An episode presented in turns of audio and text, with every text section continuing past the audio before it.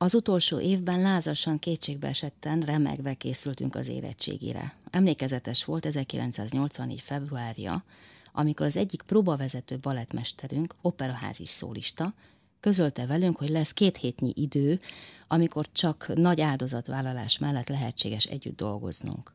A képlet a következő volt. A balerina mesternő elfogadtsága miatt a hivatalos próbaidőben lehetetlen lett volna próbálni. Mint kiderült, az egyetlen lehetséges időpont a hajnali 5 órai kezdés volt. Hajnali 5 órai kezdés.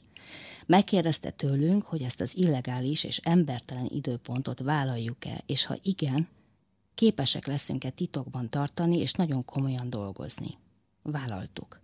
A nő lefizette az éjszakai portást, aki beengedett minket hajnali háromnegyed ötkor az operába. Sötét volt, ám az akkori törvények szerint reggel nyolcig nem volt szabad felkapcsolni a villanyt semmilyen közintézményben.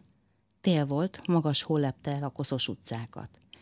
Fűtés köztudottan nem volt. Mi becamogtunk a hideg épületbe, levettük a civil ruhákat, amely alatt a baledresz és a melegítő ruha lakozott.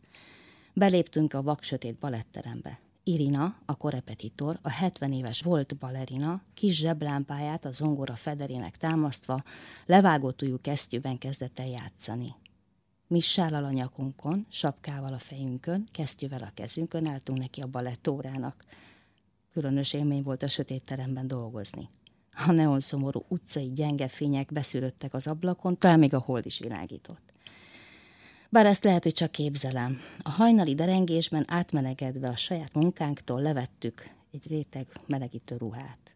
A mesternő zseblámpájának apró sárga fénye volt a koncentrációnk fókuszpontja. Ebben a sötétséggel csatázó gyenge fénybe kapaszkodtunk. Amikor túl voltunk a bemelegítő nehéz gyakorlatokon, akkor kezdtük el a repertoár számok kidolgozását. Nagyjából 3-6-kor került erre sor, és dolgoztunk további két órát. Akkor lohalelában elrohantunk az operából a balettintézetbe. Itt úgy tettünk, mintha akkor kezdtük volna a napot.